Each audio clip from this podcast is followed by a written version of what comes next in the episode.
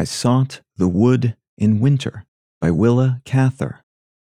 I sought the wood in summer when every twig was green, the rudest boughs were tender, and buds were pink between.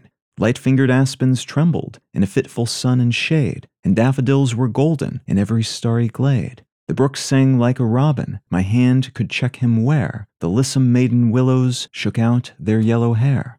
How frail a thing is beauty, I said, when every breath she gives the vagrant summer, but swifter woos her death. For this the stardust troubles, for this have ages rolled, to deck the wood for bridal and slay her with the cold. I sought the wood in winter, when every leaf was dead. Behind the wind whipped branches, the winter sun set red. The coldest star was rising to greet that bitter air. The oaks were writhen giants, nor bud nor bloom was there. The birches, white and slender, in deathless marble stood. The brook, a white immortal, slept silent in the wood.